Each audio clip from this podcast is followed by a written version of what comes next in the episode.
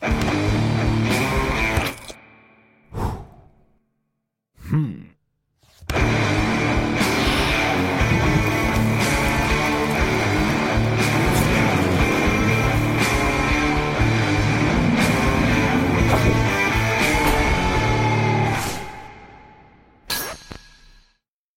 si poreklom iz eh, Demokratske republike Kongo, to, da, to vreme... moj otac je, svoje vremeno se to zvalo Zair, Zair, da. da. Moj otac je iz Zaira, mama mi je odavde, jeli?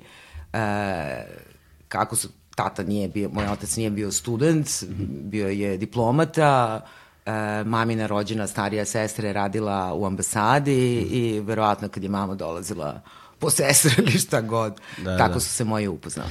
Da, to, mislim, uh, Zair, to jest Kongo je bio belgijska kolonija, Jeste, tako? belgijska kolonija. A francuska kolonija je bio... Ovaj, Kongo Brazavil. Kongo, Bra- da, je, da, da, Kongo da. Brazavil, a ovo, a ovo je Zair Kinshasa. Da, da, da, da. Belgijske kolonije mislim da su bile najjezivije kolonije u istoriji kolonijalizma. Dakle, kad posmatramo Apsolutno. od, od Ti kad- Špan... Da, reci, Ti, izvini što te prekidam, ti kad pogledaš Brisel, mislim, kako izgleda veliki trg, svo to zlato, šta je radio uh, kralj Leopold, ima jedan sjajan dokumentarac, čini mi se da ga je radio BBC na temu zločina protiv čovečnosti koji su uh, rađeni, jeli, pravljeni na teritoriji Zaira dok su bili kolonija. Jezive stvari, jezive stvari. Nažalost, ovaj, današnja, jeli, današnja Demokratska republika Kongo negde 90-ih uh, je skinut dugogodišnji uh, predsednik Mobutu, proteran je, mislim da je preminuo u egzilu u Maroku, čini mi se, i od tada traje klanica u najbogatijem delu Zaira, odnosno Konga, ne treba zaboraviti, tamo su ti ogromna nalazišta plemenitih metala, dijamanata.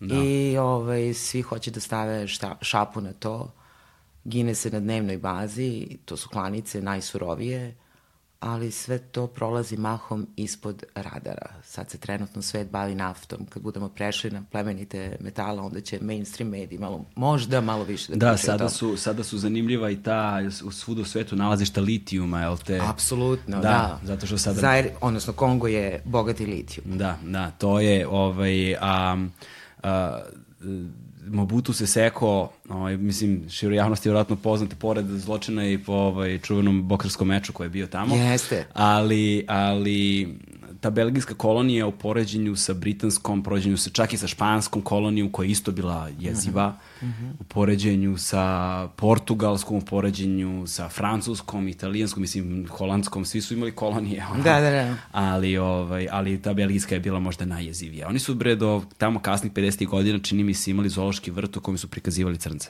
Apsolutno. Što je- Apsolutno i bila je potpuno to legitimna stvar. Da, to je- legitimna stvar, što je stravično. A da ne govorim da ste uh, koliko uh, mislim, toliko su jezive stvari radile tipa seku ruke, Da. seku stopala po kratkom postupku, niko te ništa ne pita, mm. toliko izmasakrirane dece.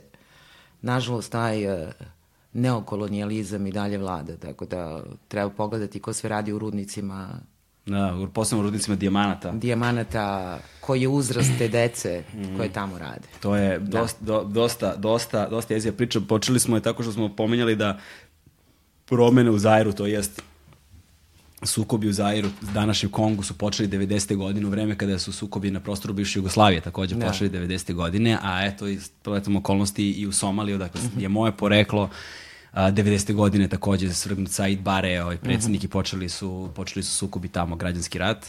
Tako da...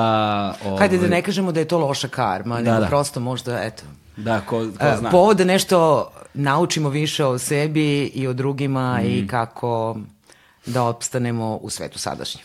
Da, današnjem svetu opstajati je dosta teško, sa mnogo različitih aspekata, to je jedan od razloga zašto si ovaj, ov, gost uh, u našem današnjem podcastu i hvala ti što si tu. Pre nego što počnemo, meni je običaj da pročitam jedan segment nečega š, iz nekog proznog dela koje je meni u nekom trenutku u životu zbog ovog ili onoga značilo.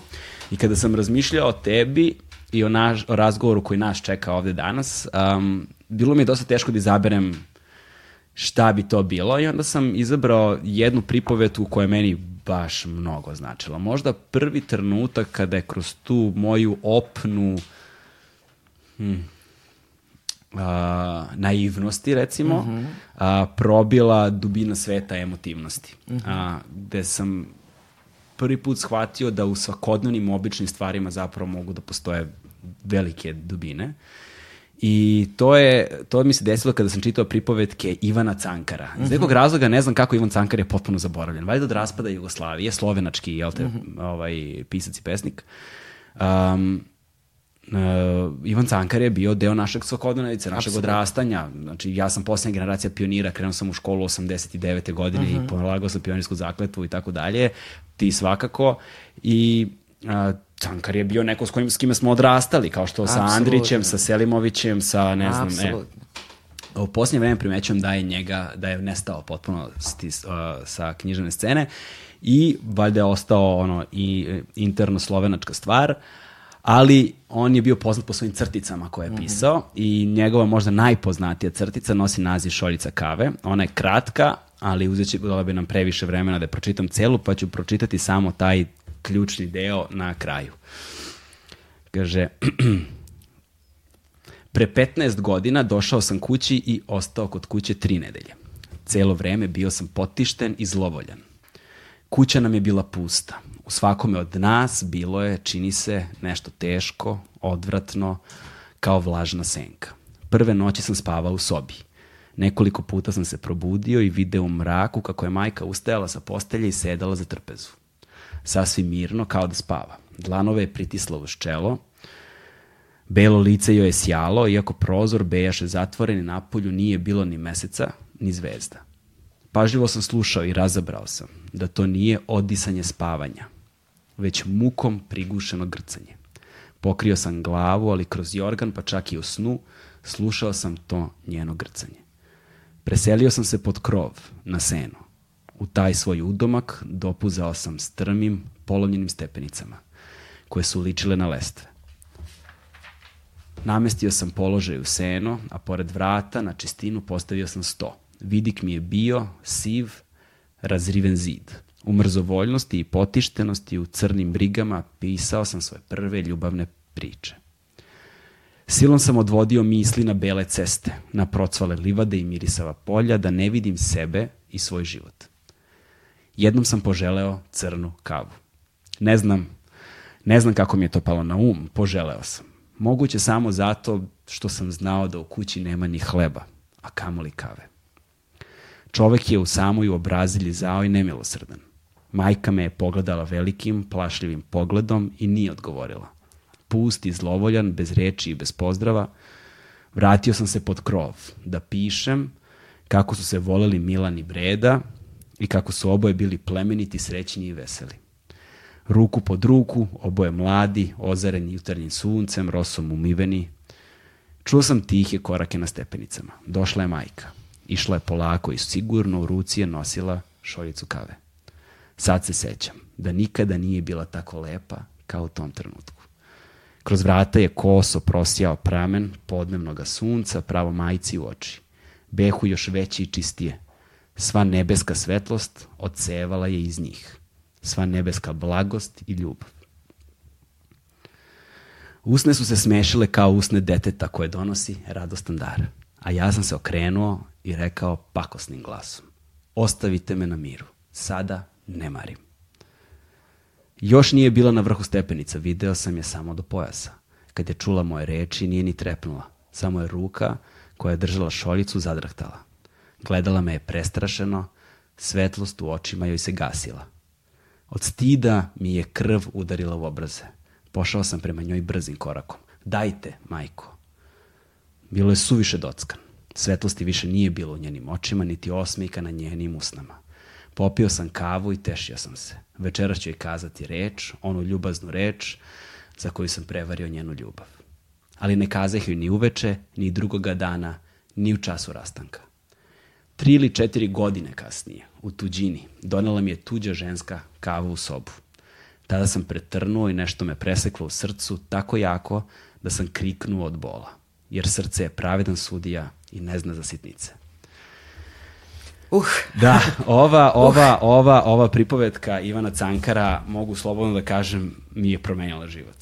Prvi put sam tada osetio koliko duboko sežu zapravo neke sasvim obične stvari, koje mi vrlo često imamo običaj da prenebregnemo potpuno, dok nas ne sačekaju tamo negdje iza ćoška. Um, ti se sada nalaziš u jednoj vrlo specifičnoj poziciji kada si pokrenula kampanju a, za tebe, važno je. Hoćeš li da nam kažeš više o čemu se radi? Pa ovako, za tebe važno je e, kampanja pre svega ima za cilj podizanje svesti o važnosti brige o sebi o važnosti briga o onome šta osjećamo iznutra, onako, ono u stomaku što da. nosimo, da. što bi se reklo.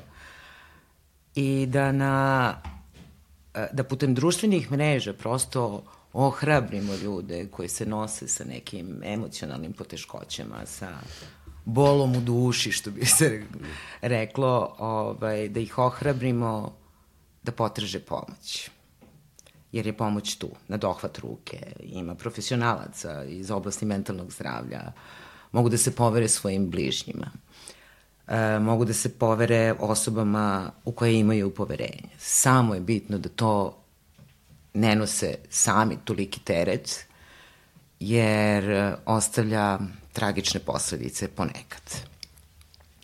E, kada sam krenula u celu tu priču, naravno to je bio, s obzirom da smo kao porodica doživali ogromnu tragediju, nezamislivu tragediju. Ne postoje reči kojima bi se mogao opisati zapravo taj užas. Za, za, izvini što te prekidam, za ljude koji ne znaju, ako nije, mhm. nije problem da pomeneš samo šta se vama desilo, pa da nastavimo. E, naša čerka, Marija, je preminula od suicida 11. novembra 2018. E, nije bilo nikakvih predznaka, ništa nismo uočili, nikakvih signala na osnovu kojih bismo došli do zaključka da nešto nije u redu. E, I dok smo živi, dok nas ima ovde, nad glavom će nam biti to veliko zašto. No, da ne bih obojila ceo razgovor tom tragedijom, hoću da posebno podvučem da ovo što radim, pre svega radim u slavu života Marinog, jer nju ne definiše taj poslednji čin, definiše je definiše je svih tih 25 godina predivnog, prelepog života, te pozitivne energije, koji je delila i šakom i kapom, definiše je ljubav, definiše je snaga, definiše je empatija prema drugima, definiše je iskrenost u odnosima sa drugim ljudima. Elem u slavu života Marinog, Marine sestre, mlađe, u slavu života svakog od nas u krajnjoj liniji. Moramo, moramo zaista raditi mnogo, mnogo više na ukazivanju da je briga o mentalnom zdravlju, mentalnoj higijeni, nije to nešto abstraktno da nas se tiče svakog od nas pojedinačno i da je krajnje vreme da se ozbiljno pozabavimo uh, postojećim mitovima, da ih rušimo, postojećim, postojećoj stigmi, jer gotovo da nema osobe koja ima neki mentalni problem, odnosno neku mentalnu poteškoću, nema te osobe koje se najčešće neće prilepiti neka etiketa tipa da je lud ili da će mu neko reći da preteruje, da nema razloga da bude tužan ili šta, koji god takozvanu negativnu emociju osjeća u datom trenutku, pa se ljudi povlače. Strah ih, strah ih je da o tome pričaju. Uh, plaše se da se nekome povere, jer izuzetno često nailaze na nerazumevanje čak i unutar porodice, unutar najbližih. Tipa nemoj, pusti to, proći će. A da ne govorimo o onim standardnim rečenicama, ma uzmi radi nešto pa će da te proće. Da, da, da. Dohvati se lopate. Naši stari nisu imali problem sa depresijom, anksioznošću i tako dalje i tako dalje ali to su između ostalog bila i drugačija vremena. ali između oslog ne možemo ne da znamo šta je to što su oni osjećali jer nisu delili. Apsolutno, apsolutno. To što se o tome nije govorilo ne znači da je nije postojalo. Apsolutno, apsolutno. Dakle, ovaj, na društvenim mrežama, na Facebooku smo, odnosno sam formirala grupu za tebe važno je, međutim kako je ta grupa počela onako ozbiljno da raste, uh, Uh, sada grupu vodi uh, tim od sedmoro entuzijasta, nama psihologi, nismo po struci mm. ovaj, profesionalci iz domena mentalnog zdravlja, ali pokušavamo da se samo edukujemo da. iz proverljivih izvora. Ti si zapravo novinarka Al Jazeera, ili jest, tako? A pre toga si radila, ja te pamtim, za studija B. Jeste, 16 godina da. sam radila. U informativi na starom dobrom uh, studiju B, ne ovom. da, da, da, da, studiju B. Da, da, da, da, kad, kad je studio B, B bio studio B, tako, tako je, tako je. Tako da, ovaj, uh, kako zaista nailazimo na sjajan odziv i sjajne reakcije ljudi, more ljudi mi se javilo za, i zahvaljivalo što smo pokrenuli tu priču i putem društvenih mreža, onda smo nedavno, osim dakle, te Facebook grupe, pokrenuli smo blog isto imeni, uh, a nedavno smo i otvorili Instagram nalog i koristim priliku da se neizmrno zahvalim Sandri Silađev, stand-up komičarki, e, koja nam je dala podršku i koja nam je zaista mnogo, mnogo pomogla da to dobije još jednu dodatnu dimenziju, pozvala je javne ličnosti, svoje kolege da se priključe akciji, tako da malo, malo pa kačimo mm -hmm. uh, te neke kratke, afirmativne uh, poruke, podrške, poruke u kojima se posebno podloči da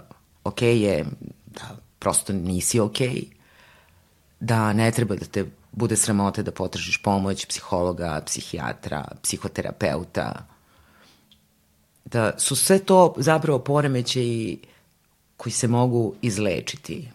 Naravno, promene se ne dešavaju od danas do sutra, sve je potrebno, sve je to proces neki, za sve je potrebno vreme, ali onog trenutka kada shvatimo da zaista u sebi imamo neki problem s kojim ne možemo da se izborimo, kada to traje, poslednja stvar koju treba da uradite jeste da sedite u tišini misleći da ste sami, a niste sami. Niste sami, niko od nas zaista nije sam. E, postojeći sistem nije, zdravstveni sistem nije idealan, toga smo svi svesni. Nekada ta procedura, dok odeš do lekara opšte prakse, odnosno izabranog lekara, kako se to danas zove, pa dok ti objasniš šta ti treba, pa dok dobiješ uput za psihijatra, imajući u vidu da domovi zdravlja nisu u obavezi da imaju psihologe. Nekada ume to da potre i po mesec dana. Nažalost, živimo u društvu poprilično siromašnom, ne može svako sebi da priušti a, privatna savjetovališta. A, bez obzira na, na, na te loše okolnosti, nemojte da vas to obeshrabri.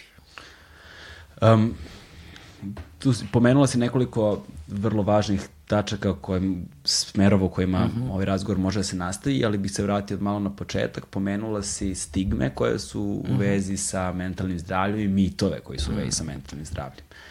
Koji su to mitovi sa kojima, koji, koji obavijaju uh, mentalno zdravlje? Uh, jedan od gorućih problema savremenog društva savremenog sveta, današnjeg sveta, na što ukazuje i Svetska zdravstvena organizacija. Na primer, krenimo od uh, problematike suicida, samoubistva. Uh, nije baš bez veze zašto se Svetska zdravstvena organizacija odlučila da prošlu godinu, da Svetski dan mentalnog zdravlja koji se obeležava 10. oktobra upravo o, posveti prevenciji suicida. Jedan od mitova glasi uh, da nikada ne treba da pitate osobu, čak ako posumnjate da ima tako neke suicidalne misli, da nikada ne treba postaviti pitanje nekome da li si razmišljao o tome da se ubiješ. Da će ih to, mit je, da će ih to direktno odvesti ka tom činu. Ne, vi time bacate svojevrsni pojas za spasavanje da vam kaže, da podeli sa vama svoju muku. Naravno, to su, to su sve vrlo delikatne stvari, ali mislim da e, imajući u vidu da stopa suicida galopirajuće raste, posebno među mladima od 15 do 20, ado, i adolescentima, znači od 15 do 29 godina, to je izuzetno rizična grupa. Hajde ljudi, da, ono, Šta misliš da su pobijemo. razlozi zbog kojih baš u tom starosnom dobu raste stepen suicida i, no, i, i na osnovu kojih podataka ovaj, to znaš? To su podaci Svetske zdravstvene organizacije, mm. generalno. Dakle, to, to je neki glo globalni. globalni, globalni trend, globalni trend, uh, globalni trend koji ne mimo ilazi ni naš da. region. Da. da li znaš možda kakva je situacija sa Srbijom? Sa, sa Srbijom, sad konkretni podatak, moram da, sad ću da ti kažem, rađeno je jedno istraživanje, ne znam sad tačno brojčano podatke koliko je bilo uh, suicida u grupi adolescenata, ali evo jedno istraživanje Ministarstva omladine i sporta i Centra za edukaciju, istraživanje i razvoj, tekst je objavljen 2019. kaže da na uzorku od 1000 učenika od 15 do 19 godina kod 45% dece u Srbiji je prisutna briga o svakodnevnim problemima. Znači, u konstantnoj su frci. 12% ima osjećaj potpune bezvrednosti. Znaš li ti šta je to 12% klinaca, mladih ljudi? To je ogroman broj. Koji se osjeća potpuno bezvredno. Znači na stotinu dok, 12 ora. Dok 7% razmišlja o samobistvu. Da li su nam potrebni neki drugi podaci? Da. Mislim, užas.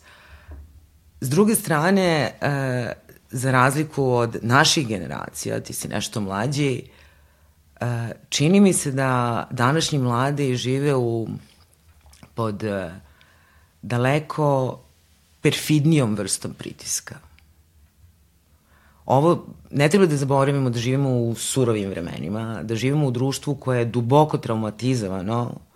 90. godine mi iskijavamo i dalje posledice 90-ih još je Srbija u odnosu na druge države regiona, tipa Bosne i Hercegovina, mi smo pod navodnicima dobro prošli. Užasno zvuči, ali fakat. Da. Prošli, imali smo bombardovanje, to, to, to da. Ali zamisli da četiri godine živiš pod snajperima. Da. To je... Znači nismo imali to, tu vrstu iskustva. Ali smo prošli, znači, 90. ratove, Nakon toga smo ušli u period tranzicije koji dalje traje. Imamo armije ljudi, otprilike to je generacija naših roditelja koji su danas do sutra ostajali bez posla, kao žrtve tranzicije, privatizacija masovnih. I sad multipliciraj svaku tu situaciju sa brojem dece, sa uh, onim što su upijala odrastajući. Pogledaj samo kakav nam je javni govor. Od vrha na dole. Pogledaj kako međusobno komuniciramo. Pogledaj koliko, koliko smo bombardovani, ali na dnevnoj bazi, to na sat, nasiljem, verbalnim, fizičkim, znači užasno su užasno nasilna vremena, a u sve to sa medija, odnosno, da, putem medija, stalno te bombarduju tim, ej, budi sreće, daj jedan ono kez od uva do uva.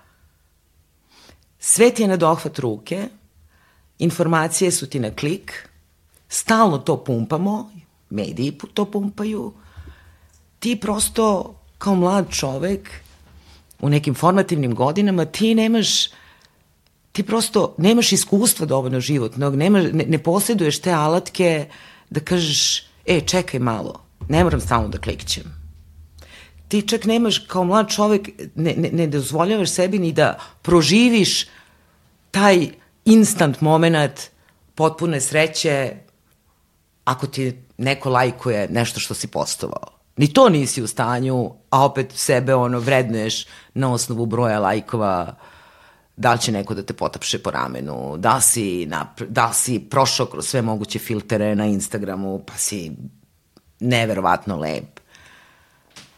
Znači, potpuno neko, pa ne znam, ja bi to nazvala potpuno ludilo, mislim, pokušavam da shvatim, da. ne verujem da me, moguće da je to i sukob generacija, moguće da me gaze godine, ali se bojim da ta površnost u odnosima među ljudskim, među mladima, da. Da to ne može da prođe bez, bez posledica. A posledice su tu, to, to, to, tome svedočimo svakodnevno gotovo. Ja sam baš puno razmišljao o tome u poslednje vreme, posebno zato što sam učestvovao u sijaset nekih uh mhm. -huh. panel diskusija i tako dalje. Ovaj, I zbog prirode posla uh, kojim uh mhm. -huh. se bavim poslednjih 20 godina, jel te, a i zbog uh, ovaj, ljudi kojima sam okružen, posebno kada su se radila sada neka obiln, ob, obimna istraživanja te generacije Z, mm -hmm, Z kako mm -hmm, nazivaju, mm -hmm. dot com kids, I, mm -hmm. I generacija i slično. Ima to je generacija koja ima sinonima, ja mislim, stotinu različitih, mm -hmm. kako ih nazivaju. U suštini to je generacija od 2000. godine na vamo. Mm -hmm. um, da je mentalno zdravlje njih, tih generacija najugroženije -hmm. i da je depresija u ogromnom porastu i da je osjećanje usamljenosti mm -hmm. jače možda nego ikada ranije. Što je mm -hmm. negdje ironično s obzirom na to da živimo u vremenima koje su najkonektovanija mm -hmm. nego ikada do sada. Ali zapravo to se objašnjava fenomenom da su društvene mreže u velikoj meri postale socijalni kapital. Mm -hmm. Nisu one više samo sredstvo izražaja, mm -hmm. već su postale uh, alat kojim trgujemo vrednosti Apsolutno, da. I da je među, međuljudski odnos na društvenim mrežama postao fragmentiran. Jer ti mm -hmm. sada imaš nekoga već decenijama unazad, mm -hmm. jel te nekoga ko stoji iza nekakvog nickname-a koji mm -hmm. može i ne mora da bude stvarni, može da bude ironičan, može da bude ono što klinici zovu shitposting. Mm -hmm s nekom fotografijom koja može bude ova ili ona, koji postuje nešto što može da ima nekakvu tendencioznost, ne mora, a, ali je nešto što je oblikovano i formatirano na određen način i poslato kao impuls u svet, koji u tom trenutku kada dolazi do tebe niti može, niti postoji način da obraća pažnju na to ko si ti, kakva si ti, u kom se stanju nalaziš i na koji način to može na tebe da utiče a s druge strane celokupan socijalni kapital se tu meri. Ranije smo nekako mogli da sedimo kao sada jedno preko puta drugog i da posmatramo da li me lažeš ili ne lažeš, da govorimo o nekoj neverbalnoj komunikaciji, o milionome, dobio sam nekakvu kompletnu sliku, nje više nema. Tako da psihološka konstitucija mladih koji odrastaju danas je radikalno drugačija i formira se u smeru uh, uzgoja osobina o kojima mi nikada nismo morali da brinemo a to je sada nepoznat teren. Mm, za sve nas. Za sve nas, i za njih i za nas. Da, da, da. Nepoznat teren. Niti mi imamo znanje koje možemo da prenesemo i da kažemo, e, sine, čero, ovo je okej, okay, ovo nije okej. Okay. S druge strane, postoji generacijski jaz koji je mnogo veći jer je mm -hmm. tehnološki napredak doneo brzinu da, da, da. promena trendova mm -hmm. mnogo veću nego ranije. I treća stvar je što se nalazimo na nepoznatom terenu gde ne znamo sa čime zapravo imamo posla i kakve su dugoročne posledice. Mm -hmm. um, u zapadnim zemljama su ta istraživanja daleko preciznija i pokazano je da su devojčice a, daleko osetljivije od dečaka u tom uzrastu od recimo 13 do 18, 19 godina, da su sklonije ovaj, i da je tu porast nešto u suicidu. Ne želim da lupetam, neka ljudi uh mhm, -huh, sami mhm, pretraže uh mhm. -huh. ovaj, pa neka pogledaju. Ali situacija kod nas ne odudara od te surove stvarnosti. Da, od globalne slike, da. Da, ne od, ne, ne od udara. Mnogo zato što ta tehnologija je tu prisutna. Ah, ka, ko su uh, ljudi koji se tebi, vama na grupi javljaju? Ko, mislim, da li svih, profila, svih profila. Uh, najveći broj, najveći broj uh, osoba je ženskog pola, to su neke statistike. Uh, I to, uh, mislim, kada je uzrasna dob u pitanju uh, od 20 e, do 30 godina, tu je baš pik, ima i muškaraca, ali u znatno manjoj meri, onda sledi sledeća uzrasna dob od 30 do 45, znači svih mogućih profila, svih mogućih profila, uh, javljaju nam se mladi, izuzetno mladi. I nedavno sam dobila poruku koja me baš potresla, ali koja je koja je dobar primer kakav odnos imamo prema ovoj temi. Dakle, dobila sam poruku jednog tinejdžera od 15 godina koji me je molio za savet kao šta da radi, ima problem sa anksioznošću. Znači, srednja škola, nova sredina, treba se uklopiti, treba plivati u toj vodi. E, taj tineđer se poverio svojim roditeljima, imajući u vidu da e, ne mogu sebi da priušte privatna sa, ova, savjetovališta, znači moraju da prođu kroz sistem, kroz institucije. Elem, ovaj, e, to dete se poverilo roditeljima, roditelji su rekli ok, imaš našu podršku kako god želiš, ali samo da znaš da kogod bude video tvoj karton, znači da sa tobom nešto nije u redu. Po znacima navod. E, mene je to onako protreslo do kostiju, što bi se reklo, jer ja nisam znala šta tom detetu da odgovorim. S jedne strane, na prvu loptu, nisam, u prvi mah nisam znala šta da odgovorim. S jedne strane, znaš, takav odgovor ti kao da dodatno stigmatizuješ to dete, ukazuješ me, ne, s tobom je sve u redu. Da. Prolaziš kroz neku krizu. Ta kriza se da rešiti radom na sebi, uz pomoć struke. I prvi neki impuls jeste bio drvlje i kamenje po roditeljima. Međutim, upravo zbog toga, znaš, kad, a kad posle, znaš, ono malo napraviš neku pauzu pa promisliš, mislim, ti roditelji žele najbolje svom detetu. 99% roditelja želi najbolje svom detetu i čini ono što je u njegovoj moći da zaštiti svoje dete. Znači, to treba čitati, da, ok, roditelji su svesni u kakvom društvu živimo, svesni su stigme, danas, sutra, pitanje je, ako neko dođe do tog zdravstvenog kartona, pitanje je da li će moći da dobije posao. Javljaju mi se ljudi koji, eto, ne mogu da dobiju posao zato što im tu negde ono piše šifra ta i ta. I ne mogu da dobiju posao ili dobiju otkaz. Da li je moguće, da li postoji neki način na koji mi možemo da se borimo protiv toga? Dakle, da li postoji neki način na koji Uh, da li je to protivzakonito za početak? Apsolutno je protivzakonito, da. to, to, to je diskriminacija, ali hajde kome ćeš ti da se obratiš? Kome ćeš ti da se obratiš, da. kako funkcioniše sistem. Sad je tu problem... Da. Znaš, ti, ti, ti pravno, mi imamo sjajne zakone, mi imamo sjajnu zakonsku regulativu i večiti problem primene istih zakona. Drugo, ti ako, ako, ako u startu se plašiš da kažeš da, ja imam problem, da, idem na terapiju.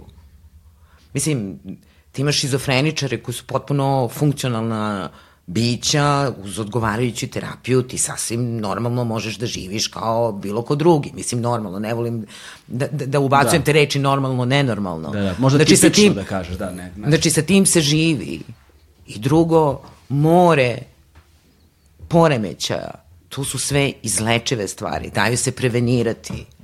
Ali, uh, uh, na samom startu mi moramo, mi moramo da počnemo da javno govorimo o tome.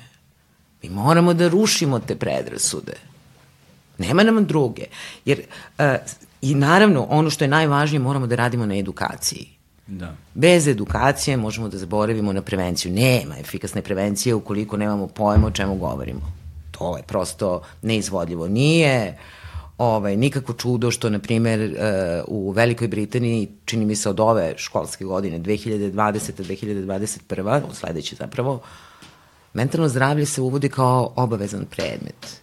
Mislim, kad kaže mentalno zdravlje, nije to sad, znaš, hajde da naučimo decu da prepoznaju svoje emocije. Da.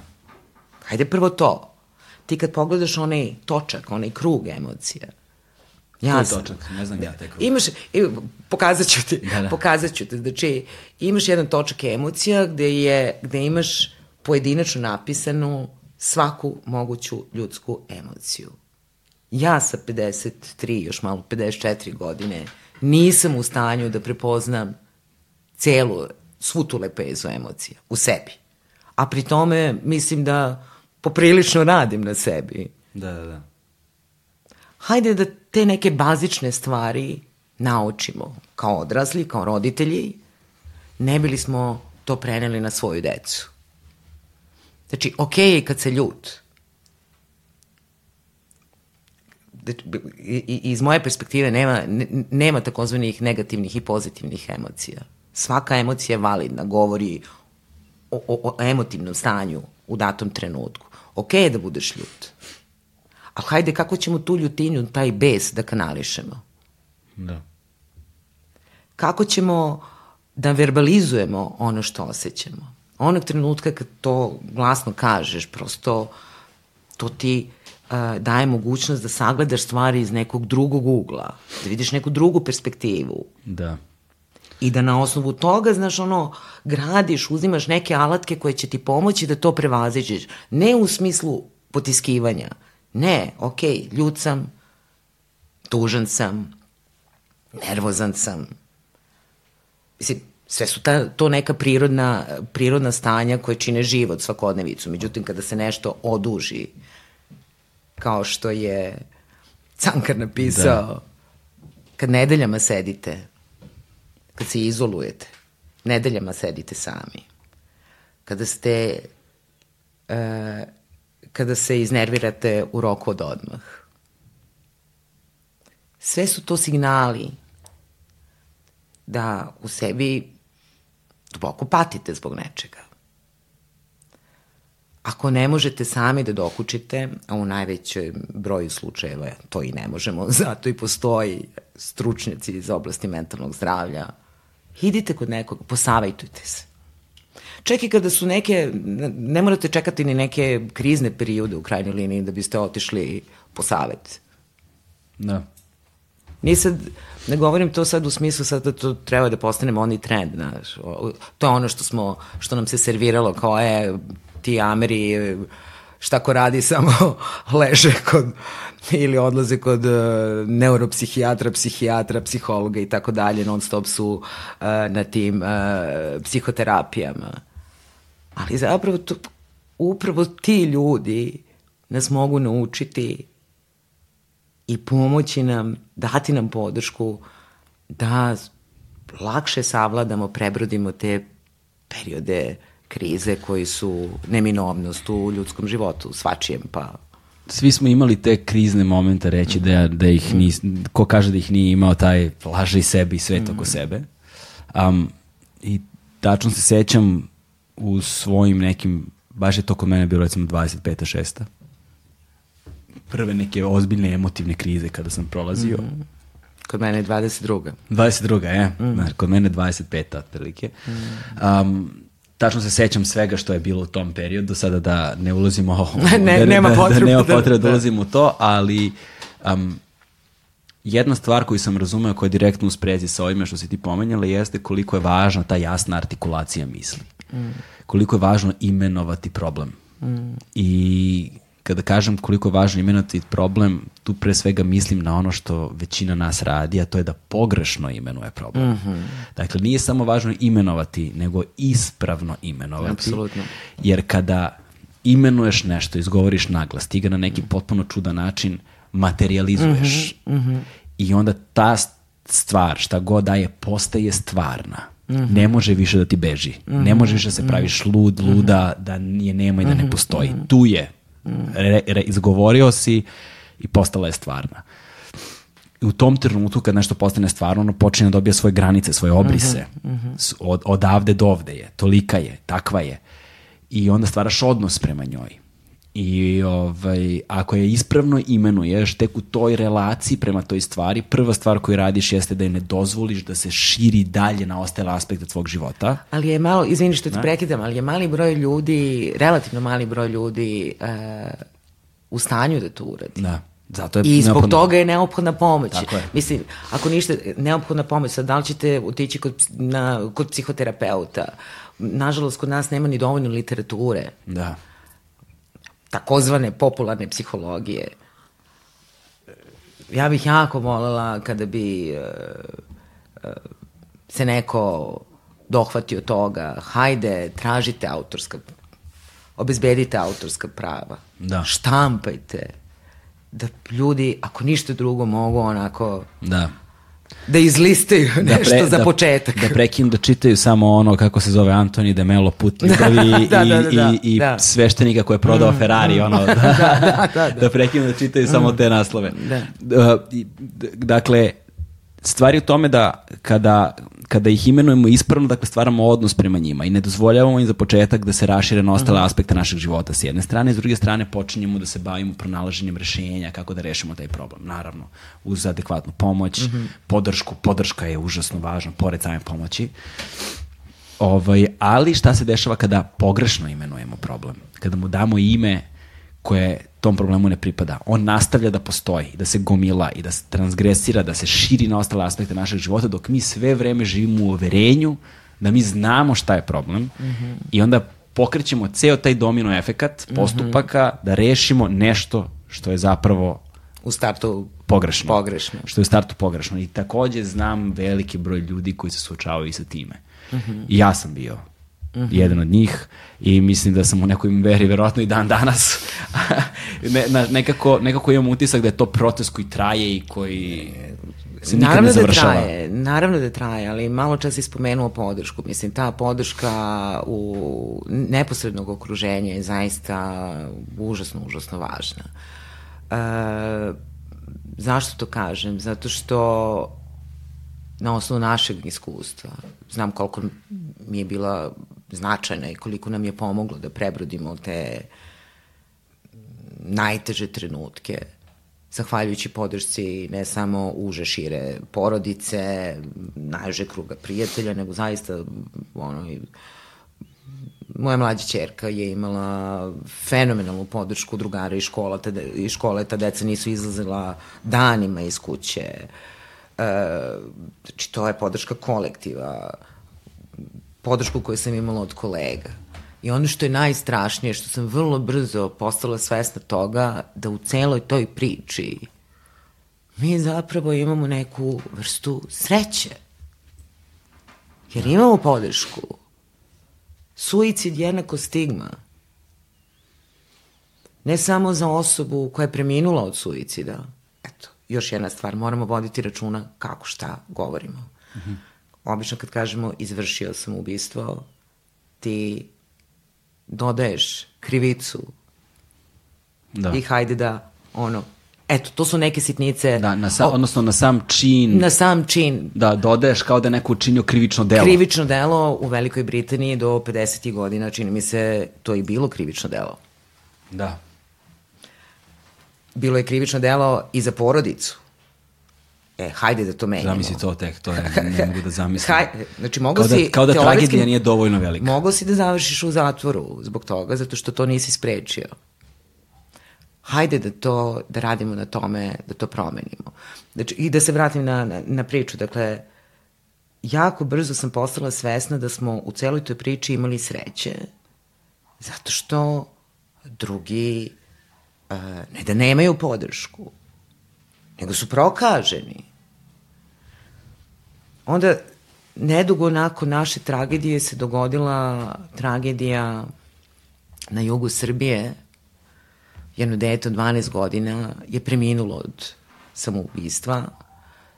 Te tragedije su se dohvatili tabloidi na najmonstruozniji mogući način, pa se nisu libili da objave oproštajno pismo deteta, ne razmišljajući o tome da to dete potiče iz male sredine, ne razmišljajući o tome kroz šta prolaze njegovi roditelji, njegovi srodnici. Znači, do te mere neljudsko, nehumano, a da ne govorimo o kršenju svih mogućih ono novinarskih kodeksa, nažalost to je kod nas postalo pravilo.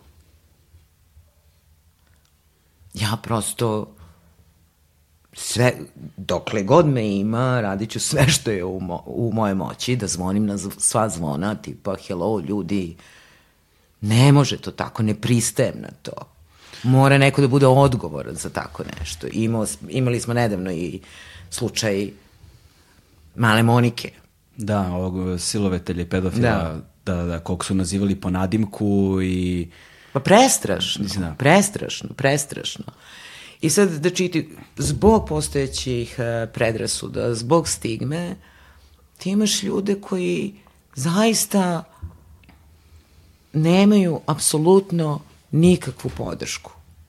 Čak i u tako ono jezivim okolnostima, u, kada je reč o užasnim, užasnim, nepojmljivim tragedijama kao što su suicidi. E to je strašno. To je strašno, mislim, ono, kad ti prolaziš kroz pakao, da kao kažeš sebi, u čoveče, ja imam sreće. Kakva bre sreća? Ne, ne sme to biti pitanje sreće što imam sjajne kolege pa su zivkali tabloide da kažu, ej, halo, stanite malo.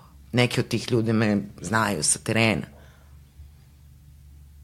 Znaš? Ali to opet i dalje nije sprečilo taj talas uh, predatorskog izveštavanja, nazovimo ga tako, u najmanju mm. ruku. To, čak bi to bio... To je lešinarenje. Lešinarenje. To, to je da. čisto lešinarenje, ja nemam drugu reč za to. Da, to je, to je, to je te mere strašno, to je jedan od razloga zašto sam ja zapravo pobegao iz korporativnog mm. života. Zato što, kao što i ti verovatno znaš, mm. ne znam mm. koliko su ljudi upućeni u to, ali um, da bi, govorim sad o internet poslovanju mm. prvenstveno, mm. dakle da bi uspešno poslovao neki online brand, pardon, on mora da ima određen broj poseta Da bi on da. imao određen broj poseta, kada ostvari određen broj poseta, onda ima poziciju da pregovara sa klijentima i da zaradi mm. novac. Mm. I taj imperativ jurenja tog klika mm -hmm. i te mhm. brzine je od naše profesije uh, našu profesiju pretvorio u najgori lešinarski posao koji je ikada postojao, u kojem da bismo potvrdili taj klik, mi moramo da odbacimo sva etička, moralna načela, sve ono što nas čini ljudima na kraju dana i ono zbog čega je naš poziv zapravo važan. Mm. Ono što predstavlja suštinu našeg poziva. Nažalost, izvini što te prekidam, mm. nažalost, ovaj, u toj jurnjavi za klikovima ljudska tragedija je onako poprilično skupa i cenjena roba. Da, e, to je ono Mi što... trgujemo ljudskom tragedijom. Što veća nesreća, to bolje. Da. Mislim. Da. To je ono, to je ono što ja ne mogu da izbijem iz glave zato što sam viđao po redakcijama kako izgleda trenutak kada se desi smrt poznate mm. osobe. Mm. To je alarmantno stanje zato što oni u tom trenutku hvataju džep od 3 do 5 dana. Mm. Koliko traje taj ono kako, znači ne znam ni kako to da nazovem ovaj, 3 do 5 dana masovno objavljuju bestidno lešinare, izveštavaju iz sanduka, slikaju porodicu, hva, skidaju njihove poslednje Instagram, online, Facebook postove, idu na mesta nesreće, da do te mere da oni tipa u jednom danu su sada ne navodim ko je radio i za, za, za šta, ovaj, da ne bih imao problema, ali da su ono imali po 27, 30 objava u jednom danu samo. Galebe, ja sam videla možda 10%, jer to prosto jednom novinaru, uvek novinar. Da. Ali sam bila dovoljno disciplinovana, pa sam otprilike videla jedno 10% objavljenih tekstova nakon, neposredno nakon tragedije. Ja sam u inboxu našla poruke kolega da me pitaju za izjavu. Mislim, čoveče. Da, da. Sramota. Mislim, Mislim znaš, u najmanju ruku sramota. E, e, tako da to o, o čemu pričaš imam lično iskustvo. Da. Imam lično iskustvo. E, ono što ako neko iz tih krugova bude gledao, mada oni svi to vrlo dobro znaju, svi i glavni znaju, odgovorni znaju. urednici i vlasnici medija, znači sve, svima je to dobro poznato. Ali evo da kažem i ovako, da svaka ta reč je potencijalni okidač za bližnje. Svaka, svaki zarez je potencijalni okidač.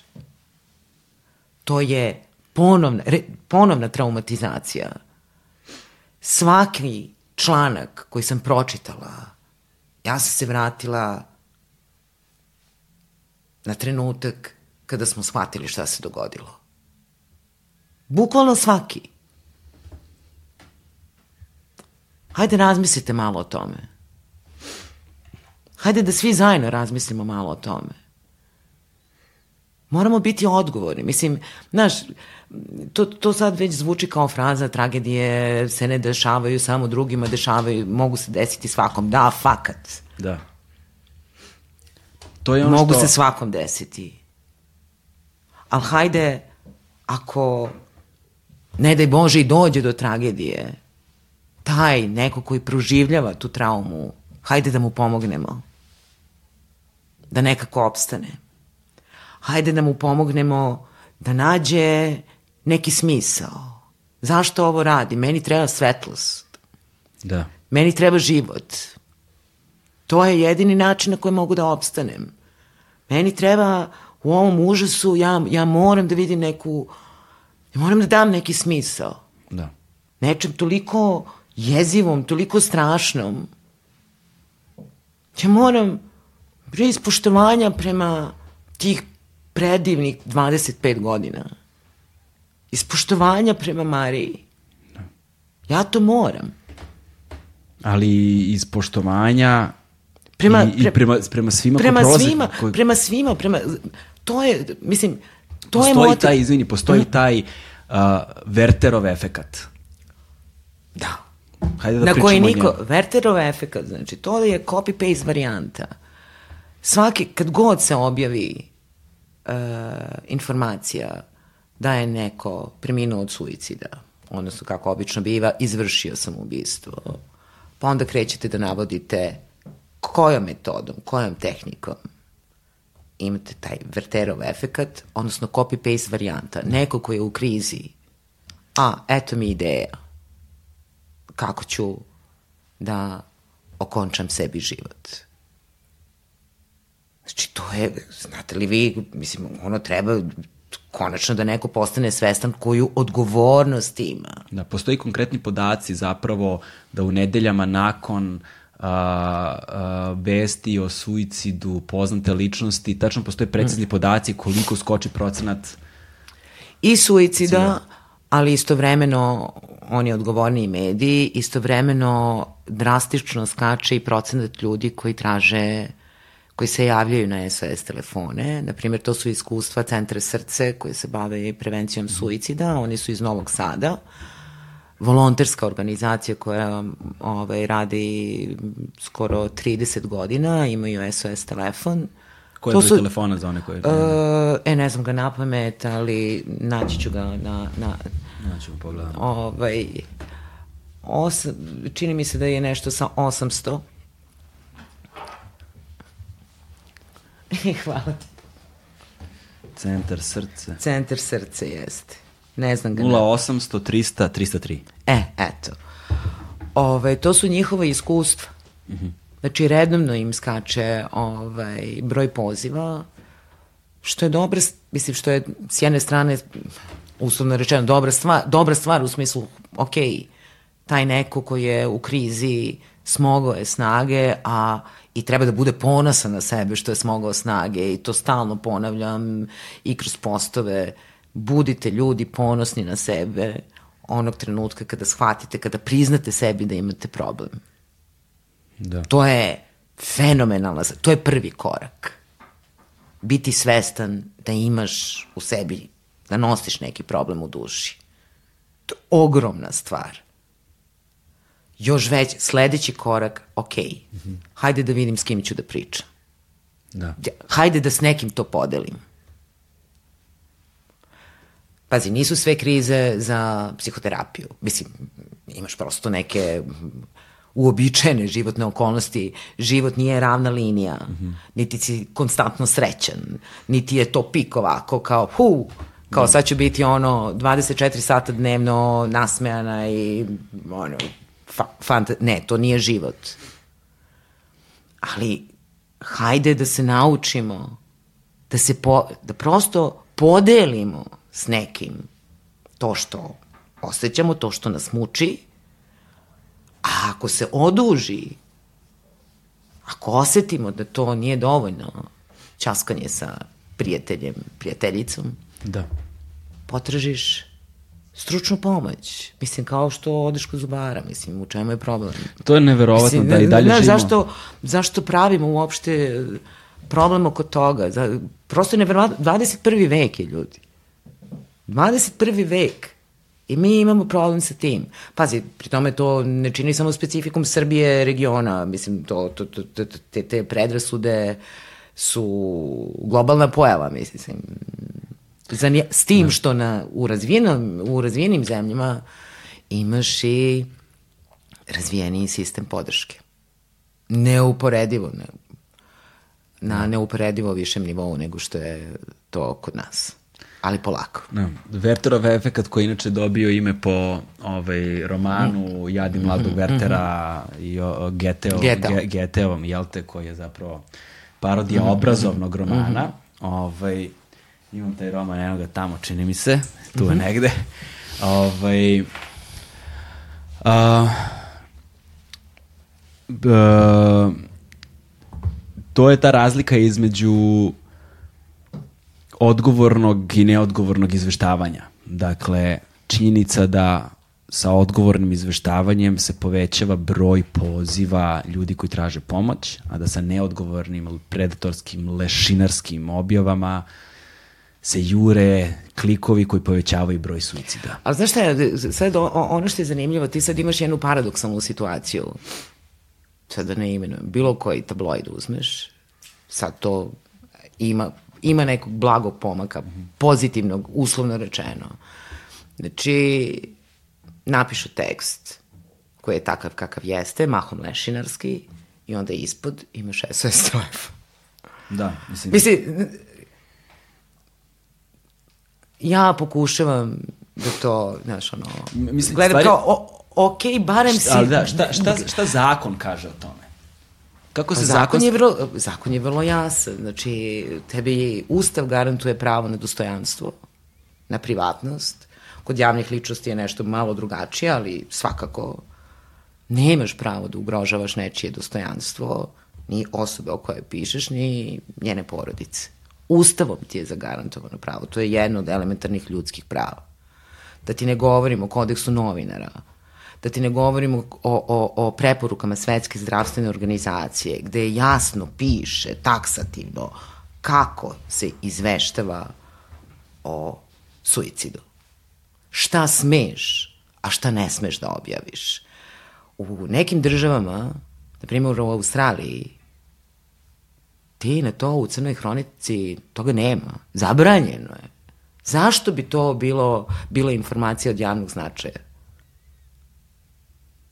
Ne govorim o tome da o tome ne treba da se piše. Da, treba da se piše, treba da se razgovara o tome, ali hajde da budemo odgovorni. Ali da li je XY uh, preminuo od suicida? Na koji način je on preminuo? Šta kažu komšije? Šta kažu, ne znam, dalja, šira rodbina? Zašto bi me se to ticalo? Razumeš šta hoću da, da, da kažem? Da. To nije informacija od javnog značaja. Zašto bi me se to ticalo? A pri tome, ti načinom na koji izmeštavaš, čak i auditorijum, ti ugrožavaš mentalno zdravlje. Znači, mentalno zdravlje, čitajući šta se sve plasira putem online platformi, štampani mediji, ma kad uključiš TV, mislim, bilo koji, da. skoro većinu domaćih kanala, pa mislim, to je stvarno ono da ti se kosa digne na glavi ugrožavaš me konstantno 24 sata dnevno. I onda kada spojiš sve to zajedno, s jedne strane način, s jedne strane socioekonomski faktor mm. u našoj zemlji. Da. Či siromaštvo u kojem živimo. Da. Nizak stepen obrazovanja. Da. A, loš, zdravstven, loš zdravstveni sistem, gde da. čak i oni koji su svesni da imaju problem, vrlo često im je nedostupna pomoć. Nažalost, da. Onda na sve to dodaš nasledđe u kojem živimo, pa na sve mhm. to dodaš nasilje kojim smo okruženi, mm -hmm. pa na sve to dodaš normaliza, normatizaciju, odnosno normalizaciju nasilja kao da, da, javnog da. diskursa, načina Jeste. komunikacije od predsednika države. Kao koji, modus operandi, da. Tako da. je, koji je normalizovao u potpunosti da. nasilje kao i legitiman jezik komunikacije. Mm. Onda apsolutno nedostatak dijaloga, gde ukoliko nema neko isto mišljenje kao ti, automatski neprijatelj. Mm -hmm. Znači što nas što onemogućava a priori mogućnost komunikacije među nama. I onda na sve to, na te socioekonomske faktore, na sve te spoljašnje faktore, dodaš o, taj senzacionalistički pristup izveštavanju, taj, taj beskompromisni, ono, taj, taj predatorski juriška klikovima, tim mm. prokletnim klikovima i na kraju dana efekat je društvo u kojem mi živimo danas i mladi koji su na to najosjetljiviji. Plus, taj imperativ sreće. Da, to sam sad hteo, malo pre se pominjala kako Da. život zapravo nije ravna linija i kako život ne treba konstantno da ide ovako i rekao sam sebi Da, da, da. imperativ sreće. Na sve to dodaje imperativ sreće, pa vidi kakvu, kakva je to bomba za mozak bilo kakve, bilo koje osobe. Kako ćeš ti da hendlaš? Na, Znaš, evo, rekoh malo čas, imam onako poprilično godina, ali veri mi na sve češće ja više ne znam šta je vertikala, šta je horizontala. Ja ne znam više šta je ispravno. To stalo već od 90-ih na ovamo govorimo o tome kao poremećen sistem vrednosti. Šta to znači poremećen sistem vrednosti? Sve je normalno. Sve je dopušteno. Ne.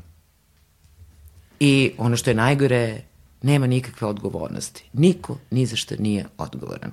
I onda se, znaš, ono, kad- kada su mediji, kako smo pričali malo čas o medijima, kada su mediji u pitanju, znaš, ponekad, ja, pod broj jedan da se ogradim, ja nisam zaista teoretičar zavere, znaš, ali ponekad imam utisak, čeče, da li je to cilj da ti, ovaj, da, se, da postanemo potpuno zombirani, da čitajući to što nam se nudi.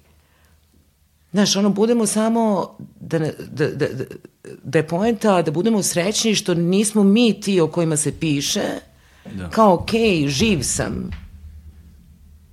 živ sam tačka, ne razmišljam da li sam dobro, kako živim, da li me nešto boli iznutra, fizički, znači, ništa, samo gola činjenica da eto dišeš. Je li to poenta? Oskar Wilde ima divnu misao koja kaže to što nismo mrtvi ne znači da smo živi. E, eto. Ti, Ali, ali u svemu tome, mislim, drugim rečima ovo je pogodno tle za mali milion okidača. Pogodno tle da zaista ono, budemo i frustrirani, uplašeni zbog toga što ne možemo da se snađemo da. u, u, u ovakvom sistemu. To je ono čemu želim sada malo više da govorimo. Dakle, upravo taj, taj pronalaženje tog kompasa i tog načina kretanja, saveta, načina na koji treba da razmišljaš, kako da se zaustaviš, povučeš ručno i okreneš malo i pogledaš, pogledaš u sebe. Ovaj, kada je, ste, kada je tvoja porodica, kada ste ti i tvoja porodica prošli kroz, kroz tragediju, ovaj, na koji način prošli, mislim, verovatno će se kroz to prolazi, Prolazimo. prolazi celog života. Ali na koji način, to je ono što mislim da je isto važan, važna tačka za da se pomene. E, s- e, postoje zvanični podaci, ti ja kad smo razgovarali pro, prošle godine, čini mi se, a, postojali su nekakvi zvanični podaci o broju suicida godišnje, o porastu broja suicida. Oko hiljadu. Koliko, o, dakle, da, koliko, koliko, koji je broj suicida godišnje, koji je broj suicida dnevno u odnosu na tu, tu brojku, a onda koji je broj ljudi koji su zahvaćeni zapravo problemom suicida. Odnosno, a, kada od jedna osoba a, premine od samoubistva, a, to i, i, a tu ne računamo one koji su pokušali. Da, da, to je tek posebna to, to, priča, je tek da, da, posebna da, priča, da, dakle, da, da. na koji broj ljudi to vrši uticaj Pa i multi, menje. multipliciraj. Na Ajde, je- sam, ajde samo pomeni prvo podatke da damo okvir neki. Znači, okvirno, okvirno je oko hiljadu, oko hiljadu samoubistava godišnje. ja mislim da je prošle, na teritoriji Srbije, mislim da je prošle godine bilo uh, nešto iznad 800, ali Da. tu se negde, Da. tu, tu se negde kreću To je tri cifre. dnevno. To je tri dnevno. Eto. Ovaj, uh, na svaku takvu tragediju pomnoži sa članovima porodice, najuža porodica. Pa tome dodaj najuži krug prijatelja, pa neku širu sredinu. Ja samo kad pogledam koliko je, na koliko ljudi je uticalo to što se nama dogodilo. Na koliko Marijinih prijatelja, poznanika. Sve su to traume. To su Da ne- ozbiljne traume, to su ozbiljne traume. Sve su to traume. E sad je upitno uh, šta radiš sa tim? E pa to je ono čemu želim da pričamo. Šta radiš sa tim? Da li ćeš se nekome, da li ćeš razgovarati, ne znam, u krugu prijatelja? Da li ćeš razmeniti emocije? Ili ćeš krenuti, ok, jeste, strašno je, hajde da ja to potisnem, gurnem sa strane, kad ta će to da ispliva? Jer samo taložiš traumu za traumom pitanje je da li ćeš otići kod nekog stručnjaka, prosto da se posavetuješ. Ne, to je zaista onako upitno. Nisam sigurna da, na primjer, među Makicinom ekipom da su svi, ovaj, ukoliko im je bila potrebna, da su svi potražili pomoć, jer prosto ne samo Marina generacija, evo, pričali smo o generaciji 2000 Da, da, da. i to današnje deca, znači taj način života treba da budeš stalno u hajpu, da se tako kaže, Da. haj ili kako god. Hype, hype, jeste. Hajp. Hajdemo izlazci, party, after party, after, after, after party, to bežanje od stvarnosti. Stvarnost nije idealna, ali život, mislim, nije... Da. Život je život, život, eh, kako bih rekla, ovaj, iluzorno je... Mislim, meni u mladosti niko nije trebalo da objašnjava da to ne treba da bude, mislim, prihvatala sam život kao takav, ok, imaš ups, ono, imaš pikove na gore, na dole, imaš dobre dane, imaš loše dane, ali sve je to ok, ali hajde da naučimo da se radujemo sitnicama, odnosno da proživimo na pravi, na pravilan način ono s čim se suočavamo. Da. Da naučimo da se radujemo, znaš, da, da, da, da, da ne znam, mislim, Prvo je to osjećanje vrednosti, odnosno bez vrednosti. Pa onda šta, šta, toga- šta čoveka čini? Šta je jednog... Evo, to, to, to je ono što ja njih u razgovoru sa njima, hajde da stanemo. Šta te, na osnovu čega vrednuješ samog sebe? Kako to radiš? Nažalost, bojim se da je to na osnovu klikova, lajkova, Pa da, to je odnosno na osnovu kapital. onoga šta će drugi da ti kažu. Šta će da ti kažu unutar porodice. Znači, počevo od porodice. Nažalost, šta- mnogi ne nalaze podršku ni tu. Upravo. Hajde da, hajde, deco, stanite malo. Za, ono, zakoči, diši, za početak. Da. Diši, ono, kao, hu, stani.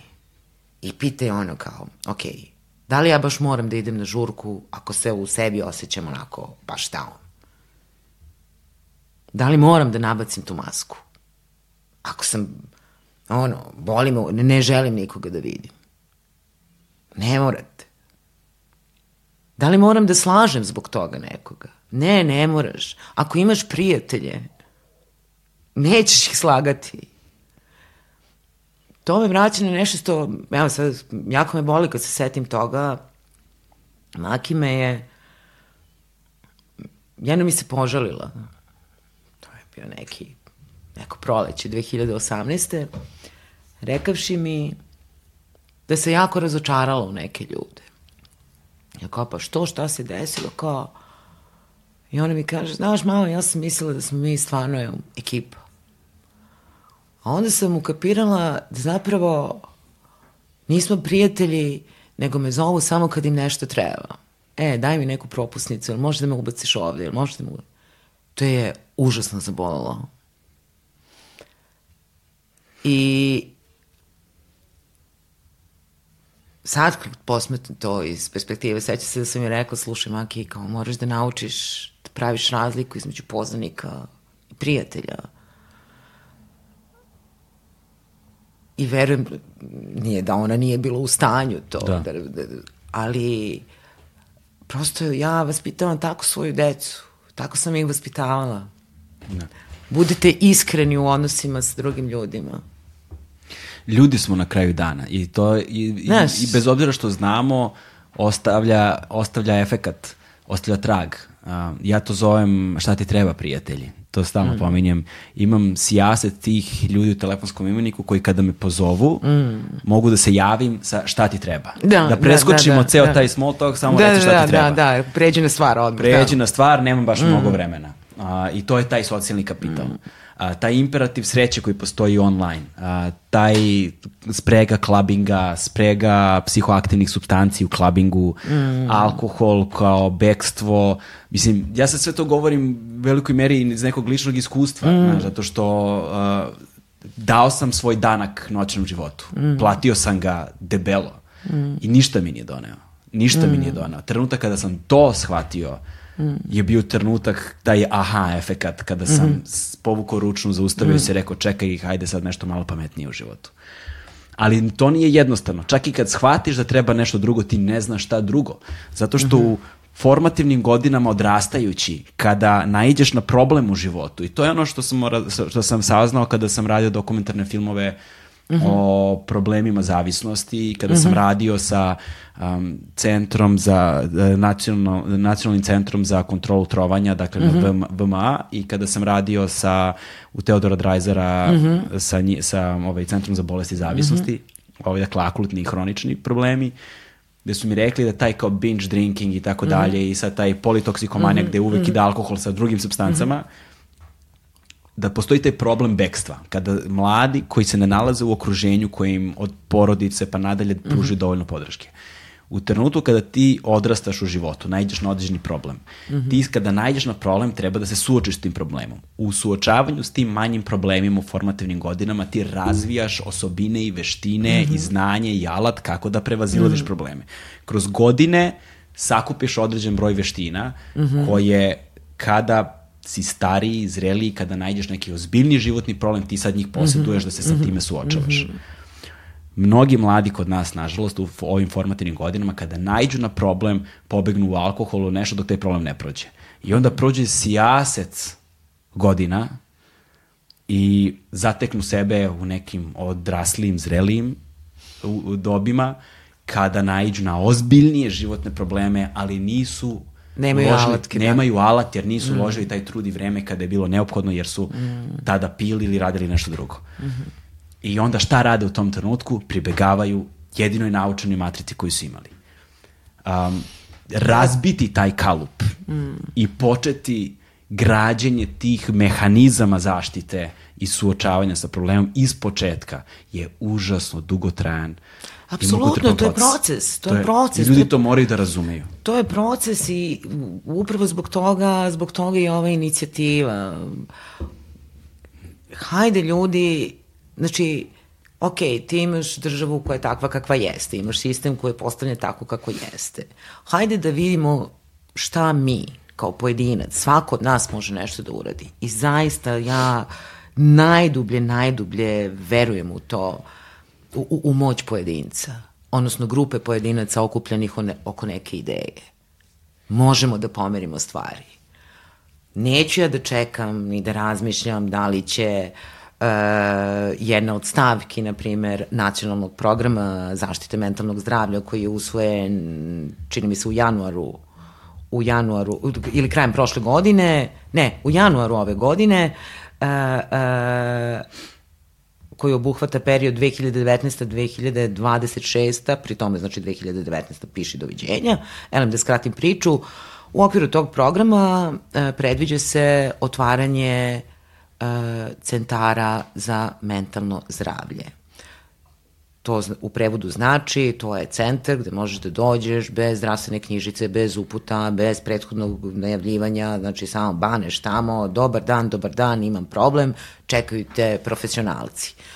Jedan centar u Beogradu je na 20. Uh, spratu Beograđanke, tu, radi, tu rade stručnjaci klinike dr. Laza Lazarević. Znači, najavljeno je otvaranje novih centara. Dok se to ne dogodi, hajde da vidimo šta mi možemo da uredimo. Da.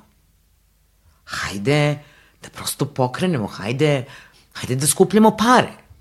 Pa, mislim, da, e, u smislu, znaš, nemam ja sad nekih, e, nekih iluzija, ali sve to, znači, to je trka na duge staze. To je maraton. Pa hajde da ono ostvarujemo cilj po cilj.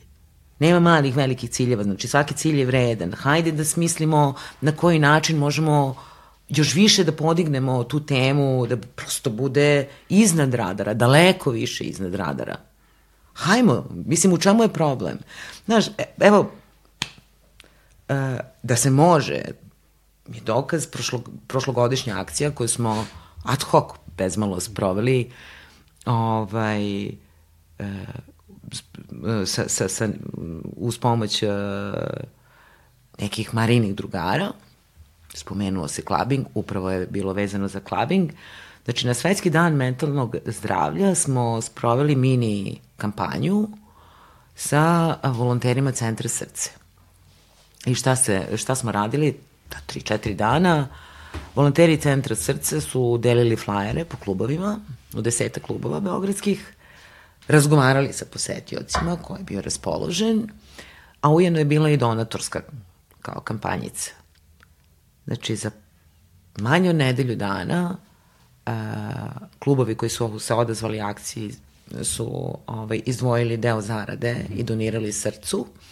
Bila je jedna velika pojedinačna donacija hotela Mona Zlatibor i evo, veliko hvala na tome. Uh, a, dakle, za, za, za nedelju dana je skupljeno preko 3000 evra. Znaš ti koja je to cifra za jedno volontersko udruženje tipa srce? Da. Znači može. Da.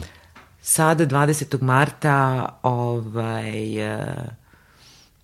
će u kafeu Šupa kod Zelenjaka da ne bude da je to reklama, ali mm. rade zaista sjajnu stvar, ovaj, e, biti žurka koja je između ostalog e, posvećena zaštiti mentalnog zdravlja, pa su ljudi pozvani da donesu, na primjer, knjige koje su im pomogle kad su prolazili kroz krizu ili da doniraju. Evo je jedna. Eto, eto, dođe u šupu 20. marta od 9 uveče do, do 1 ujutru. A, Sandra Silađev poziva sve žive da, da, da, da se priključe, da dođu. Eto, to su način. I između ostalog, naravno, bit će moguće dati neku donaciju za centar srce. Znači, postoji mali milion stvari koje zaista, koje nisu... Mislim, nisam ja izmislila rupu na saksiji, to je pozitivna praksa u svetu. Pa hajde da štampamo, ne znam, uh, hiljadu stikera. Između ostalog treba otići u toalet šupe da vidiš kako se to radi. Da. Hajde da štampamo hiljadu stikera sa nekom jasnom porukom koje ćemo lepiti po toaletima u klubovima. Da. Gde si sam, konačno neko mesto gde si sama, kao izašao si uhu, kao party time, sve je super krasno, klikneš telefonom, ostane ti broj telefona. Znaš, dopre to. Hajde da skupimo novac, da zakupimo, ne znam, oglasnu tablu, oglasno mesto u autobusu, na autobuskoj stanici. Jedno jedno, mislim, da, da. nema veze. Znaš, to su sve te, tako, te, te, te mini gerila kampanjice, razumeš, koje, koje su izvodljive, koje su ostvarive, a za koje ti ne trebaju milioni. U krajnjoj liniji odeš u fotokopirnicu, počnapaš neki tekst i kreneš ono selotepom da lepiš da. po banderama umesto gluposti koje svakodnevno gledamo, mislim. Još jedna stvar koja je u sprezi sa tim imperativom sreće koji postoji na društvenim mrežama, uh -huh. a, o kojem smo govorili, je činjenica da mladi, posebno klinci koji su ono pravi, kako to u marketingu vole da zovu digital natives, uh -huh. jel te? Uh, koji su zaista sada rođeni s tim mobilnim telefonima u rukama, da dok recimo moja generacija, ja sam morao da se naučim na internet, mm -hmm. znaš, a posle i na digitalne tehnologije koje su ga, koje su ga pratile. Sledeće će biti čip u glavi već. Da, odmah. a generacije sada su rođene sa njime mm. i onda to je potpuno drugačija, kažemo opet, psihološka mm, konstitucija, mm, prosto fundamentalno smo drugačiji. Ali smo na kraju dana opet samo ljudi. I ono što je razlika velika, koju ja priča koju često ponavljam, mm jeste da kada sam ja bio u osnovnoj školi, kada se meni desilo nek, neko glupost, neko sranje, neki blam ili nešto, to vidim, to, to doživim ja i dožive moja dva, tri drugara, sedam, osam da. prijatelja, možda celo odeljenje, smeju mi se, 20 godina kasnije pijemo pivo i podsjećamo mm. se toga uz osmeh. A klinci danas žive jedan sistem nagrade i kazne koji je radikalno drugačiji od našeg. Cyber nasilje. Tako je, znači to je sajber nasilje, jer danas ukoliko se desi neki blam ili nešto, neko može to da snimi mobilnim telefonom. A redovno se snima. A redovno se snima. Nažalost, da. redovno se snima. I to više nije blam koji je videlo sedam mojih drugara, nego je to blam koji je video ceo svet. Upravo. I isto tako, vrlo lako, pošto imaju taj sistem in, instant gratifikacije, mm -hmm, kada okačiš mm -hmm, nešto na mhm, YouTube ovamo mm -hmm. ili onamo, ti odmah vidiš da li to mhm. prolazi ili ne prolazi. Mm -hmm. Putem pokušaja i pogrešaka ti možeš vrlo brzo i vrlo lako da dođeš do nečega. Ali, Isto kao što taj sistem instant gratifikacije može da ti donese brzo i laku slavu ili zaradu, mm -hmm. koja mhm. opet nije nužno dobra stvar. Da, da, da, Znaš, jasno, jasno. Nije jasno. nužno dobra stvar. Isto tako može da ti donese instant kaznu ogroman blam, ogromnu sramotu i velika većina, sad to istraživanja su pokazala među tom generacijom, je voajerska generacija. Generacija mm. koja ne proizvodi puno sadržaja zapravo mm. online, ali svi postoje online. Oni prate ove koji mm -hmm. prave gluposti ovaj, mm -hmm I mahom imaju po dva profila ti klinci. Mm. Imaju privatan, privatan profil koji je uvek zaključan, koji da. je za najuži krug ljudi, da, gde da, da. valjda mogu da budu više svoji mm -hmm. i postoji taj drugi koji je zapravo oni socijalni kapital o kojem smo govorili, mm -hmm. na kojem postoji taj imperativ sreće. Činjenica da mladi u tom uzrastu to rade već tako rano. Znači da oni zapravo prepoznaju na možda nekom in, inst, instinktivnom, intuitivnom nivou od, uh, problematiku možda ne toliko jasno, ali pokazuje se evolucija na delu. Mm -hmm. Znači da oni nisu ni tako glupi, ni tako nesposobni. Daleko toga, daleko toga. Kao što mnogi smatraju, mm. ali da je očigledno neophodno da se deluje na tom polju. Daleko od toga, tu si potpuno, tu si potpuno u pravu i s druge strane daleko su otvoreniji ovoj priči nego što se misli. Mm -hmm. Jer upravo rekao, samo na, na osnovu iskustava koje imamo na toj Facebook grupi, Znaš, to, to, to, su, to su mladi ljudi koji su vrlo spremni da otvoreno go, govore o tim problemima. E sad, naš problem u ovoj zemlji jeste što taj sistem podrške nije dovoljno razvijen. Mm. Ti nekada treba da čekaš ono, po mesec, dva da zakažeš kod stručnjaka, plus imaš taj socioekonomski moment, nema svako 3000 dinara da plati terapiju. Jednom nedeljno, barem jedno, jednom nedeljno. Barem jednom nedeljno, barem jednom nedeljno, a svaka terapija to nije nešto dođeš danas i vidimo se za pet godina, ne, to, to je proces kroz koji se prolazi i to traje i ima i uspona i padova i sve to normalno, ali je proces. Pa to pomnoži minimum sa 3000 sa puta ne znam koliko. Ali deca su prvo mlad taj svet, kad kažem deca, mnogo su otvoreni, mnogo su, u izvesnom smislu su, čini mi se, i zreliji od na, u poređenju sa nama u tom, u tom uzrastu. Neuporedivo zreliji. Definitivno. I hajde da, hajde da iz pozicije odraslih, hajde da, da im pomognemo. I tu sada Hajde dola... da probamo da im pomognemo. Da. I sad tu dolazimo do tog ključnog faktora koji mislim da u svojoj zvaničnoj komunikaciji vlast namerno izbegava.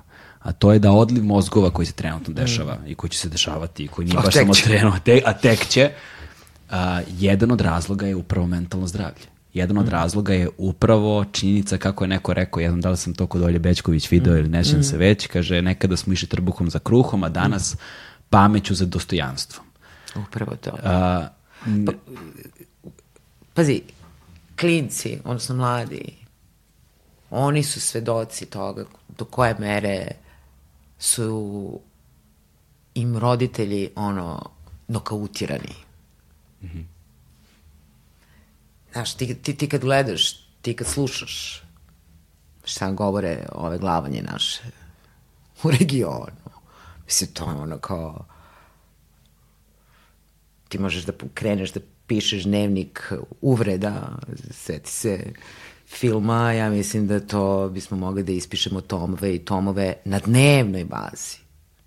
Na dnevnoj bazi. To su uvrede koje mi primamo na sat, ljudi moji, na sat. Te neko onako u zdrav mozak i kao to je okej. Okay. Pa ne, mislim, deca to vide. Deca to upijaju ti kao roditelj sigurno da nećeš da lamentiraš pred detetom. Da. Ali dete čuje.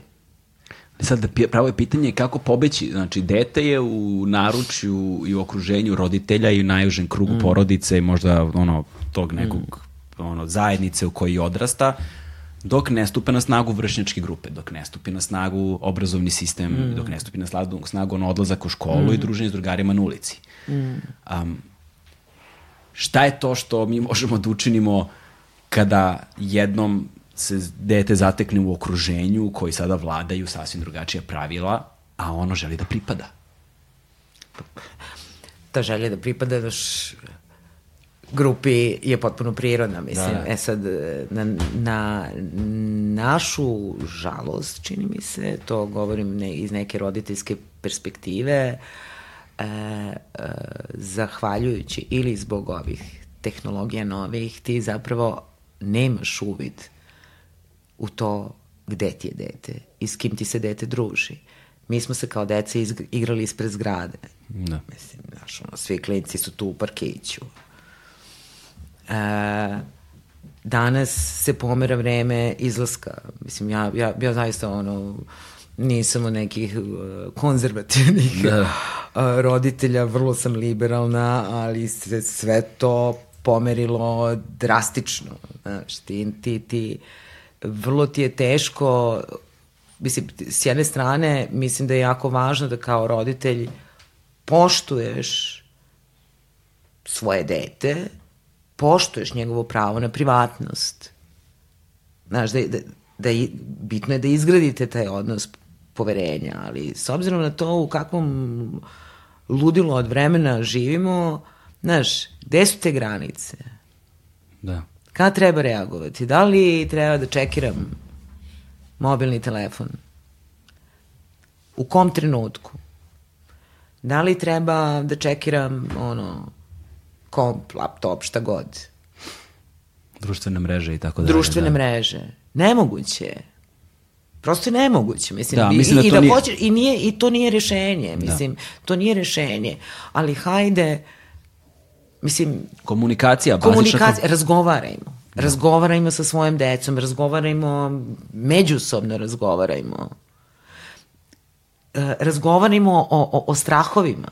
Podelimo to sa, o, sa, sa onima koje volimo ako, ako mi je frka, ako sam ljuta, ako sam u bedaku, ako mi se plače, isplakaću se. Pre to imao ti pet godina, 15, ali ću ti objasniti. Kao, teško mi je, tužna sam, lakše mi je kad se isplačem. I okej, okay, kad si ti tužan, dođi, da se zagrlimo, ćutimo, ne moramo ništa ni da pričamo, da se zagrlimo, ćutimo i isplačemo zajedno. To je neverovatno ovaj, koliko je zapravo efikasno i važno, a koliko ljudi zaboravljaju, prenebregavaju ili iz nekog razloga promaše potpuno osnovnu ljudsku vrednost osnovne ljudske komunikacije. Ja kada sam svoje vremeno snimao neke stvari, mm -hmm. tipa uh, rituale ayahuaske, tih snažnih mhm, halucinogena, ovoga i onoga, koji zaista imaju određen medicinski efekat. Znači, ja ne mogu da tvrdim drugačije, -hmm. zato što moje iskustvo govori potpuno suprotno. -hmm. Ali ono što je problem, jeste što meni su počeli, pošto je to bilo, jel te, na dve nacionalne televizije, ono, u prime time, u nacionalnim frekvencijama, masovno su mi se javljali ljudi. -hmm. I a, ljudi koji su mi se javljali to je ono što, što, je, što, je, što je fascinantno. Sad ti dobiješ poruku u inbox osobe koju ne poznaješ. Da. To bude vrlo često traktat. Mm gde neko počne zdravo, ja sam, ne poznajemo se, bla, video sam, videla sam, mm. ovo ili ono, i, i sad kreću da li bi, sad, nji, ono što oni meni traže jeste neki kontakt kako bi oni mogli da odu u nekakvu ceremoniju, mm -hmm. ovaj, ali dok, dok stignu do tog pitanja, oni meni zapravo opišu ceo svoj problem. Mm. Koliko ljudi je, oni su se zapravo meni poverili. Možda oni toga nisu mm. svesni, ali oni su se zapravo meni poverili. Čoveka koga apsolutno mm. ne poznaju. Mm. A, bilo je ljudi koji su se otvoreno poveravali, bez mm. traženja bilo kakve pomoći, nego eto sad ja imam problem, ja bih tebi da ispričam koji problem ja imam. Mm. Gde sam zapravo video prvi put možda koliko ljudi nemaju s kime da komuniciraju. A da. oni koji traže uh, pomoć u svemu tome, ja uvek nekako izbegavam da odgovaram, zato što mm -hmm. ako odgovorim jedno, moram da odgovorim svima. Onda izbegavam -hmm. bilo kome da odgovaram na tu temu, nažalost, ali -hmm. ne, ne, ne postoji drugi način, jer ne poznajem te ljude prosto, ne mm mogu da ulazim u tu vrstu komunikacije, ali ne treba svakome to. Nekome treba psihološka podrška, nekome treba Upravo. psihijatar, Upravo. nekome treba potrebni, možda, nekome će možda neka medikamenti pomognu, nekome treba da, zagrljaj, da. nekome treba prijatelj, nekome da. treba najobičniji razgovor. Dakle, nije nužno da sad ti preskočiš sve te korake i ideš na neku alternativnu medicinu. Naravno, naravno, tako, naravno. Pa pre svega komunikacija, pre svega, mislim, ali ljudski veliki, dodir. Tako je, ali veliki broj njih zapravo nije, nije nikada ni probalo i veliki broj njih ima problem sa najužim krugom ljudi oko sebe, u kojem su se ko zna kada i kako i na koji mm. način obreli i ne umeju iz tog kruga da izađu. Mm tebi se i vama se ljudi javljaju, a, koji su to najčešći problemi sa, koj, sa kojima se suočavate, odnosno o, sa kojima se oni suočavaju? Depresija i anksioznost, definitivno. Depresija i anksioznost. Ima tu i gubitak, član, i gubitak članova porodice od suicida. Mm -hmm. Ima i toga. Ovaj, ali ono što radimo, naravno kako ja nisam stručna, ja sam laik, uh, ono što smo uradili i to čim otvoriš Facebook stranicu možeš da vidiš, naveli smo spisak svih institucija koje iste oblasti u regionu.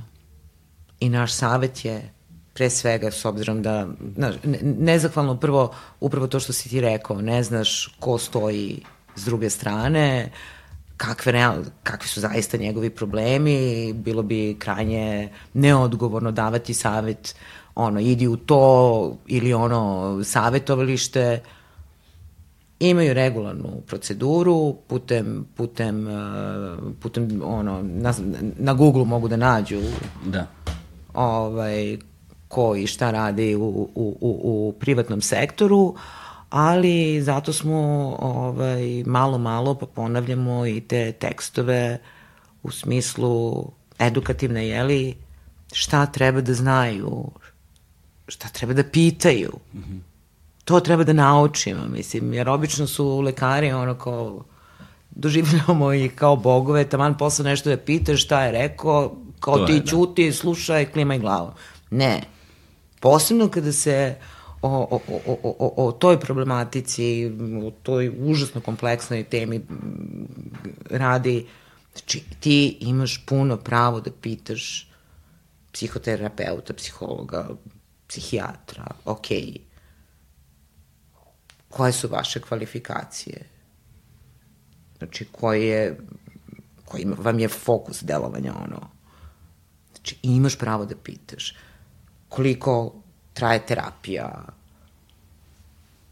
šta će se raditi, koje, koje ćeš benefite imati. Znači, to sve u startu pre, prilikom izbora profesionalca kome se obraćaš i imaš pravo da postaviš čitav set pitanja. I hajde da se to, da to bude prvi korak. I onda se odlučiš. I moraš da, i, i istovremeno moramo da budemo svesni Ovaj, jer to malo, malo pa se ljudi žale kao, e, ja sam promenio ne znam koliko psihoterapeuta, ono, ovi su grozni. Da, uvek, u svakoj profesiji imaš ok ljude, imaš one koji su malo manje ok. E, potpuno je, mislim, dešava se da ne klikneš iz prve, ali to ne treba da te obeshrabri da nastaviš da tragaš. Da, pre svega zato što moramo da računamo s time da su i ti terapeuti ljudi. Upravo. Da sa svojim terape... vrlinama i manama. Apsolutno, apsolutno, a da u svakom slučaju je reč o procesu. Mislim, ti kad se upoznaš s nekim, sretnete se na ulici, odete, ne znam, na svirku, na koncert zajedno i provedete se super, ali to je tek prvi korak, vi ćete neki, neki međusobni odnos tek tek treba da se izgradi. Da, da. Ne prihvatate ono ad hoc kao juhu, da. juhu, kao znamo se hiljadu godina, bili zajedno 50 sekundi. Znači, za sve je potrebno vreme. Ali samo ne treba odustajati. I tu je važno sad da pomenemo uh, nešto što si mi ti uh, govorila prošloga puta kada smo sedeli na kafi, a to je da da upozorimo da postoji veliki broj priučenih na, nazovi stručnjaka i koliko je zapravo lako da sebe neko predstavlja kao mm. uh, psihoterapeuta i da otvara centre i da postoji ogroman problem sa tim. Uh, pazi, uh, uh, ja mislim da, ne, ne da mislim, nego znam pouzdano, ta zakonska regulativa nije baš sasvim srećena. E sad, teoretski bih mogla da završim 1, 2, 3, 4, 5 kurseva. Teoretski bih mogla za jednu godinu dana da otvorim neki centar za nešto. Da. Za pružanje te vrste usluge. Zato kažem, kad odete negde, obavezno tražite, imate puno pravo da proverite koje su mu kvalifikacije. To je prosto, ne može svako da se bavi pitanjima duše. Može da vam napravi još mnogo veći problem ukoliko nije dovoljno kompetentan. E sad, ono što je istovremeno problem je što na nivou, na nivou sistema, primarne zaštite, zdravstveno osoblje, medicinsko osoblje nije dovoljno da ponekad obučeno. Pa vam tako lekar odabrani neće prepoznati da ste u problemu. Čak i da, kad mu, kada mu tražite da vam treba uput za psihijatra, na primjer. Reći će vam, i to se dešava. No. A, znaš ti kako je tek meni. Dešava se takođe da ljude u fazi krize otpuštaju iz bolnica i smeštaja. Da, da, pa pouzdano znam za barem jedan takav slučaj. E, osoba je pokušala da sebi oduzme život, e, završila je na dežurnoj klinici, renomiranoj, da je ne imenujem sad, nije ni bitno hospitalizovana i naravno krenulo se sa psihoterapijom itd. Posle određenog vremena naravno da trebalo da tu osobu otpuste uz preporuku da ide kod, da nastavi sa psihoterapijom. Ta osoba je zvala dom zdravlja, rekla šta i kako, pokušala dok je još bila u bolnici da zakaže termin kod psihijatra u domu zdravlja, rečeno joj je da je prvi slobodan termin za mesec dana. Znači, imate više nego rizičan slučaj koga prepuštate faktički ono, slučaju. Da li će imati sreće da zakaže na vreme, pitanje je da li, će, da li ima finansijske mogućnosti da sebi obezbedi privatnu, privatnu terapiju i pitanje u kakvim okolnostima ta osoba živi, gde živi, sa kime živi. Sa kim živi, da li je sama, nije sama i tako dalje. S tim da, on, da, da prosto ovaj, stvari budu jasne. Opet ponavljam, nije to samo specifikum Balkana. Da. Ti problemi su prisutni kada je sistem, kada je država, država u pitanju, prisutni su i u daleko razvijenijim zemljama, poput Velike Britanije, ali tamo postoji jako, jako dobro izgrađen e, sistem podrške u nevladinom sektoru. Kod nas toga još uvek nema. Iskreno se nadam da će, ako o, ovo što radimo sada putem inicijative, ako će to podstaći pre svega profesionalce da se umreže, jer ja kao klijent ili potencijalni njihov korisnik njihovih usluga, Želim, na primjer, da imam jedinstvenu bazu podataka poput baza podataka koje postoje u Velikoj Britaniji, pa, na primjer, u zavisnosti ako živite lupam u Jorku, ukucate gde su koja su savjetovališta tu u okrugu Jorka, pa vi dobijete čak i e, informaciju do, do te mere detaljnu koja vam je najbliža, koliko kilometara imate da pređete do prvog savjetovališta koje bi mogao da vam odgovara, uz naravno kompletan CV osoblja koje rade u datom savjetovalištu i garanciju anonimnosti i stručno osoblje. Apsolutno, pa to se podrazumeva, mislim, pa da, ali da. dobro što si da, da, da se podvuče. Da se da. podvuče prosto da, to što da, ne, da, da. nažalost živimo u vremenima kada se više ništa ne podrazumeva, da, ovaj, da. osim zla, jer je toliko sveopšte prisutno da nam za do, njega dokaz više nikakav ne treba, da. kad ga čujemo odmah u njega verujemo. Dobro da. je ono u što slabije malo verujemo. Um, za kraj sam, samo da pomenem, dakle, posebno za mlade koji se nalaze u formativnim godinama i koji imaju problem sa samopouzdanjem. Dakle, a, neophodno je da na neki način razumeju da vera u sebe ne proizilazi iz toga šta se dešava online mm -hmm. i da je online, odnosno cyber nasilje vrlo stvarna stvar i da ono može da primi najrazličitije moguće oblike koje vrlo mm. često možda i ne prepoznajemo. Um, i da ponovimo još jednom a, tvoja inicijativa a, gde ljudi mogu da stupe u kontakt, kako se zove. Dakle, na Facebooku nas možete naći. A, grupa se zove Za tebe hashtag važno je. Uh -huh. Na Instagramu isto imeno, Za tebe važno je. A, a, I imamo blog, važno je. Da. Dakle, a, ujedno bih pozvala kogod je raspoložen, voljan, neka nam se javi, neka nam piše, neka snimi neki, neku kratku poruku, neka kaže, neka nam pomogne u stvari a, u toj nekoj zajedničkoj, dugoročnoj akciji da rušimo mitove, rušimo predrasude, rušimo tabuje. Da. I ne baš je važno. Važno je i ne zaboravite, uh, vi ste sami sebi najvažniji, vaše najbliže okruženje je najvažnije, vaši prijatelji, vaša porodica, ljudi do koji vam je stalo i da naučite voliti, poštujete sebe i da ne zaboravite. Volite sebe, da. Ne, da. I da ljudi razumeju i sreća i ljubav se uče. Tako je. Ne padaju s neba, uh, nije nam dato, moramo da naučimo da volimo sebe i moramo da naučimo da budemo srećni i to nije ni, mal, ni mali ni jednostavan proces, i, ovaj, i da je mentalno zdravlje zdravlje kao i bilo koje drugo.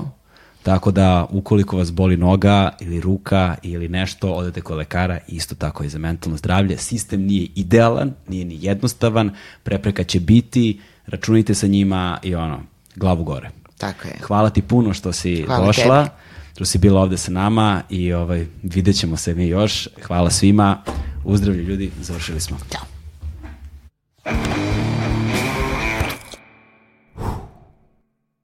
Hmm.